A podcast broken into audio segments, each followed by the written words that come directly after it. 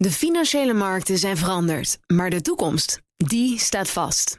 We zijn in transitie naar een klimaatneutrale economie. Dit biedt een van de grootste investeringskansen van onze generatie. Een kans voor u om mee te groeien met de pioniers van morgen. Meer weten? Ga naar carbonequity.com. Carbon Equity. Do good by investing better. Een goedemorgen van het FD. Ik ben Pauline Swuster en het is dinsdag 12 december.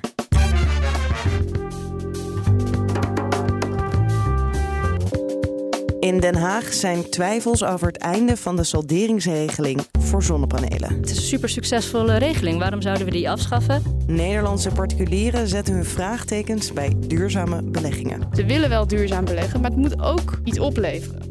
En het lijkt er nu op dat de klimaattop in Dubai niet eindigt met een akkoord over het afbouwen van fossiele subsidies. Aan de andere kant, het kan ook zo weer vannacht de andere kant op draaien. Het is, het is ook een soort spelletje wat dat betreft. Dus ja, politiek spel op het allerhoogste niveau.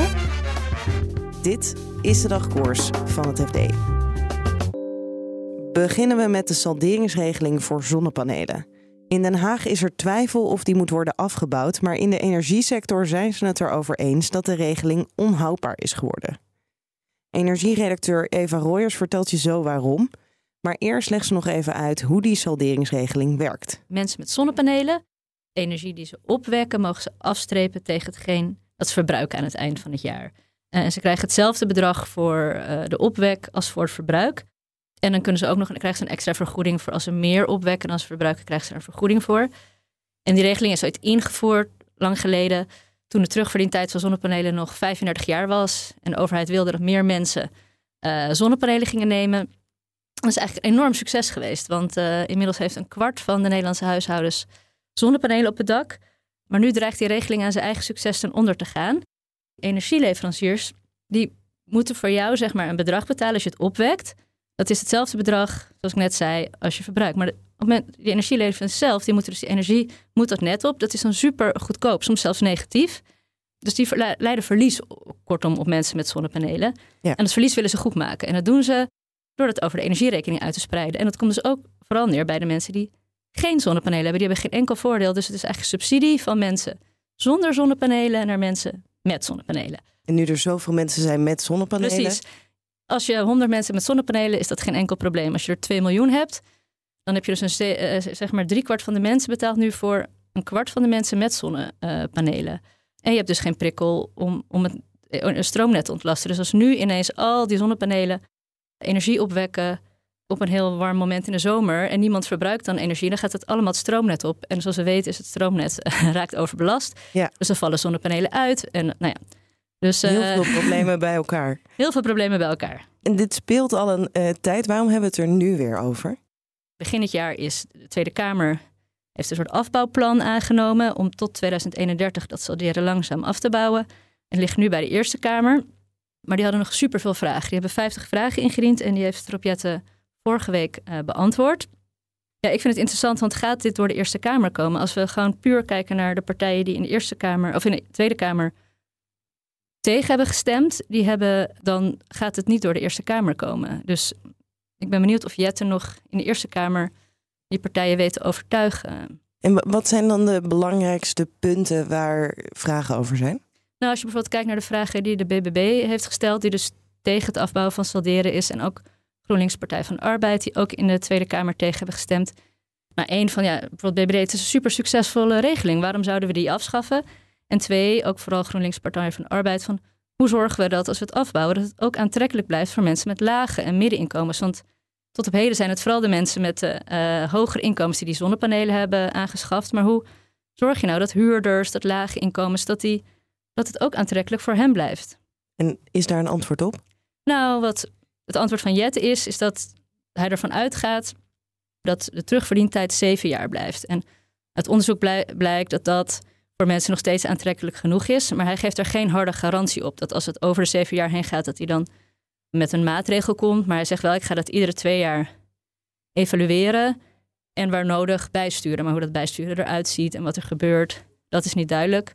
En ook heeft hij gezegd, als deze regeling doorkomt, maak ik een potje van 100 miljoen om uh, te zorgen dat ook in de huursector uh, zonnepanelen gelegd blijven. Maar hoe dat precies dan vormgegeven wordt, is ook nog onduidelijk. Uh, dus daarom zie je dat er echt wel twijfel bestaat nog. Weten we dan hoe dat nu verder gaat? Want de eerste, er zijn nu vragen en antwoorden en dan komen er misschien meer vragen weer. Dat zou kunnen en dat, dat er nog behandeld wordt. Er is bijvoorbeeld nog geen datum om erover te stemmen. Dus dat gaat sowieso ergens in 2024 worden. Dus dat kan echt nog wel even duren. Maar ondertussen zijn bijvoorbeeld installateurs van zonnepanelen. Je zou denken, nou die zijn, willen ook dat het salderen blijft. Maar ook installateurs van zonnepanelen, die branchevereniging zegt... stem alsjeblieft voor, bouw nou gewoon die zonnepanelen af. Want dan hebben we duidelijkheid. Als mensen weten waar ze aan toe zijn. Maar nu is er heel veel onzekerheid. En dan zie je dat mensen nu gewoon even wachten met het aanschaffen van zonnepanelen. Waardoor installateurs hun omzet zien kelderen. Zijn er al best wel wat failliet gegaan dit jaar.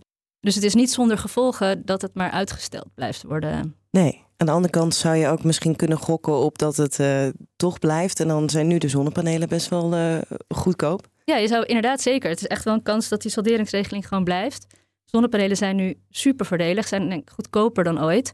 En er zijn meer installateurs beschikbaar, want de wachtlijsten zijn weggesmolten. Als je een jaar geleden uh, zonnepanelen wilde, kon je, kon je zeggen, nou sluit achteraan in de rij. Je moet zeker tien maanden wachten. Nu kan je waarschijnlijk snel geholpen worden. Zijn ze heel goedkoop. En, en ook, stel dat salderen wel wordt afgeschaft, is het nu nog steeds aantrekkelijk. Vermogensbeheerder Scheuders heeft wereldwijd onderzoek gedaan naar de vraag of particuliere beleggers openstaan voor duurzaam beleggen. In Nederland zijn ze daar nogal sceptisch over, vertelt ESG-redacteur Marceline Bresson. De vermogensbeheerder Scheuders die heeft een enquête gedaan eh, bij 23.000 beleggers wereldwijd, uh, waarvan 1000 uh, beleggers in Nederland. En 58% van de Nederlandse beleggers geeft aan dat zij zich zorgen maken om het rendement van duurzame beleggingen. Dat is dus veel meer ook dan wat andere beleggers zeggen uit andere landen. En daarnaast geeft ook bijna 60% aan dat ze vinden dat de gegevens die mensen verstrekken rondom duurzame beleggingen onduidelijk zijn. Dit onderzoek is ook al eerder gedaan. Uh, hoe zat dat vorig jaar? Maakten we ons toen ook al zo druk? Nee, veel minder. Vorig jaar gaf nog maar 37% van de Nederlandse beleggers aan dat ze zorgen hadden over dat rendement. Dus het is een stijging van meer dan 20 procentpunten. Waar we vorig jaar op zaten, dat is ook een beetje het niveau waar wereldwijd de beleggers op zitten, toch? Ja, klopt. Nog altijd. Dus op de een of andere manier zijn Nederlanders in één keer afgelopen jaar zich een stuk meer zorgen gaan maken over wat die duurzame beleggingen nou allemaal opleveren. Weten we hoe dat kan? Waarom ze zich zo'n zorgen maken? Nou, het klopt inderdaad ook wel dat duurzame beleggingen eigenlijk net als alle andere beleggingen vorig jaar het niet heel goed gedaan hebben. Dus als jij duurzaam belegd hebt, zul je waarschijnlijk verlies hebben geleden over 2022. Maar ja, goed, je moet ook naar de lange termijn kijken. En dan, dan eigenlijk op basis van het onderzoek dat we nu hebben over die rendementen, zouden duurzame beleggingen tenminste net zo goed moeten renderen als normale beleggingen. Dus het is een beetje onduidelijk waarom ze dat nou vinden. Maar ik heb ook mensen gesproken die zeiden van... nou ja, Nederlandse beleggers letten in ieder geval op. Dus misschien dat buitenlandse beleggers ja, wat, wat meer te goede trouw zijn of zo. En, en je, wat, wat je ook ziet bij Nederlandse beleggers... ze willen wel duurzaam beleggen, maar het moet ook iets opleveren. Dus die zijn, Nederlandse beleggers, dat zijn eigenlijk een soort uh, haviken, zeg maar. Als het gaat om, uh, om het rendement van beleggingen. Ze zijn er heel streng op. Haviken, dat komt uit, dat zeggen ze altijd over centrale bankiers. Die van, oh, je bent een havik, je let heel erg op de inflatie. Nou, Nederlandse beleggers zijn dus blijkbaar duurzaamheidshaviken. Dus eigenlijk de mensen die jij sprak, die beleggers, die zeggen dat ze vooral letten op het rendement dan? Ja, de meeste mensen die ik gesproken heb, die geven dat in ieder geval nog aan. Ook uh, mensen die ik sprak bij banken, die gaven ook aan van... we zien dat klanten eigenlijk wel willen bewegen op duurzaamheid... maar het moet niet ten koste gaan van het rendement. De gemiddelde Nederlandse belegger die, uh, die vindt het toch vooral belangrijk... dat zijn uh, vermogen ook rendeert. Kunnen we nou ook concluderen uit dit onderzoek... als wij ons wereldwijd meer zorgen maken dan de rest... dat Nederlandse beleggers duurzaamheid minder belangrijk vinden dan de rest? Nou, niet per se. Het gaat dus vooral, uh, het onderzoek zegt in ieder geval dat, dat Nederlandse beleggers rendement belangrijk vinden. Ze zeggen niet dat ze duurzaamheid niet belangrijk vinden. Maar ja, je kunt je misschien inderdaad wel afvragen van hè, als je echt zoveel op hebt met duurzaamheid, dan wil je misschien ook wel 1 of 2 procentpunten laten liggen. En dan, dan zul je je daar niet zo zorgen over maken. Dus het, het lijkt er wel op, inderdaad dat Nederlandse beleggers misschien ja, dus alleen om duurzaamheid geven als het ook loont. Uh, ze hebben ook gekeken van oké, wat, wat sluit je dan uit uit je portfolio? Je ziet dus dat Nederlandse uh, beleggers uh, niks hebben met tabak. Maar als het gaat om grote uitstoters, daar vinden we dan weer veel minder erg. Dus je ziet eigenlijk wereldwijd is het geloof ik 40% van de beleggers die zegt van nou we willen geen grote uitstoters, geen fossiele bedrijven. Misschien zelfs bijna de helft. En in Nederland is dat wel echt aanzienlijk minder. En dan gaan we naar de klimaattop in Dubai, waar onze verslaggever Orla McDonald is. Ik sprak haar maandag, einde van de dag, toen het nog steeds spannend was of er nou een klinkend slotakkoord zou komen. Vanmiddag is de laatste versie voor het slotakkoord gepubliceerd. De laatste keer kunnen landen daar nu eigenlijk over discussiëren. En waar de Europese Unie heel graag wilde dat er een harde deal in stond over stoppen met fossiele brandstoffen, staat dat in deze laatste versie eigenlijk niet zo sterk in met name het woord stoppen is eigenlijk gewoon uit deze tekst verdwenen. Het gaat nu veel meer over het verminderen van fossiele brandstoffen. Het verminderen van fossiele brandstoffen in bepaalde energiesectoren. Of in de energiesector. Dus niet, niet in andere sectoren. En Eurocommissaris Wopke Hoekstra noemde dat vanavond teleurstellend, niet voldoende en niet adequaat om de klimaatcrisis aan te pakken. Dus wat er nu eigenlijk uh, gaat gebeuren vannacht, zoals een klimaatop in zijn laatste uren altijd uh, is, is dat uh, niemand hier nog slaapt. of in ieder geval de topdiplomaten niet. En er heel erg veel wordt onderhandeld en gesproken tussen landen onderling. Eén op één, dus niet meer plenair. Over deze laatste tekst om toch te proberen, in ieder geval de EU gaat dat proberen, om er dan toch nog iets in te krijgen wat maakt, wat in ieder geval de, indruk geeft dat deze top het einde van het fossiele tijdperk markeert. Dat is wat de EU wil.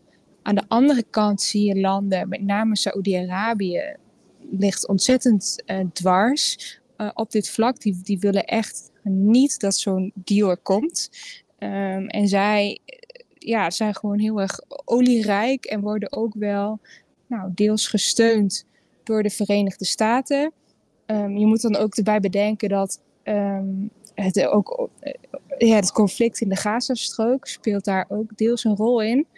Je kunt op dit moment heel moeilijk druk, heel veel druk zetten op Saoedi-Arabië. Wil je dat conflict niet ook verder laten escaleren, of in ieder geval het risico daarop lopen. Dus er zijn zoveel dimensies op zo'n top. En het, het gaat over, um, nou ja, toch wel zoiets belangrijks. Dat een mislukking en een succes hier daarom heel dicht bij elkaar liggen. Het is wel snel gedraaid, want als iemand uh, op maandag de kranten had gelezen, dan zei je van, nou, het lijkt erop dat er een succes gaat worden, maar een mislukking ligt op de loer. Dat is dan eigenlijk vrij snel toch nog de andere kant op gedraaid. Ja, dat uh, klopt. Dat de Europese Unie heeft dat misschien ook onderschat. Hoe hard de Saudi-Arabië de hakken in het uh, zand zetten. Aan de andere kant, het kan ook zo weer vannacht de andere kant op draaien. Het is, het is ook een soort spelletje wat dat betreft. Dus ja, een politiek spel op het allerhoogste niveau. En um, misschien dat er uiteindelijk dan een soort middenweg wordt gevonden over die fossiele brandstoffen. En ik denk dat je ook moet beseffen dat, um, hoewel de EU nu echt niet blij is met het slotakkoord dat er nu ligt, het is wel voor het allereerst in de geschiedenis dat fossiele brandstoffen in zo'n tekst uh, worden genoemd. En dat is ook al heel erg wat. Ja, ook al zitten daar dan misschien niet hele keiharde, of op dit moment dat we elkaar spreken, keiharde consequenties aan of beloftes? Eh, precies, soms is een hele kleine stap voorwaarts ook een stap voorwaarts. Maar dat zijn dingen, dat is een analyse die ik nu geef. Um, en dat, waarvan ik weet dat het achter de schermen ook zeker wel wordt besproken, maar die je nooit publiekelijk hoort. Omdat de EU en, en Saudi-Arabië en de VS en China nu niet uh, alle kaarten op tafel leggen tegenover de, ja, in, in publieke uh, statements. Ja.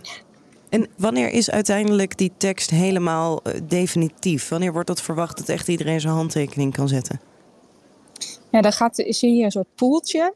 dat is ook een beetje een grapje, denk ik, onder journalisten en diplomaten. En de meeste, uh, wat ik heb gehoord, is woensdagochtend rond een uur of zes. Hier, dus in Europa is het dan drie uur s'nachts. Dit was de dagkoers van het FD. Morgenochtend zijn we er weer met een nieuwe aflevering. Als je die automatisch binnen wil krijgen, dan moet je even op ons abonneren in je podcast-app. En wil je op de hoogte blijven van het laatste financieel-economisch nieuws, dan kan dat natuurlijk op fd.nl of in de FD-app. Voor nu een hele fijne dag en graag Tot morgen. De financiële markten zijn veranderd, maar de toekomst, die staat vast. We zijn in transitie naar een klimaatneutrale economie. Dit biedt een van de grootste investeringskansen van onze generatie. Een kans voor u om mee te groeien met de klimaatoplossingen van morgen. Meer weten? Ga naar carbonequity.com. Carbon Equity. Do good by investing better.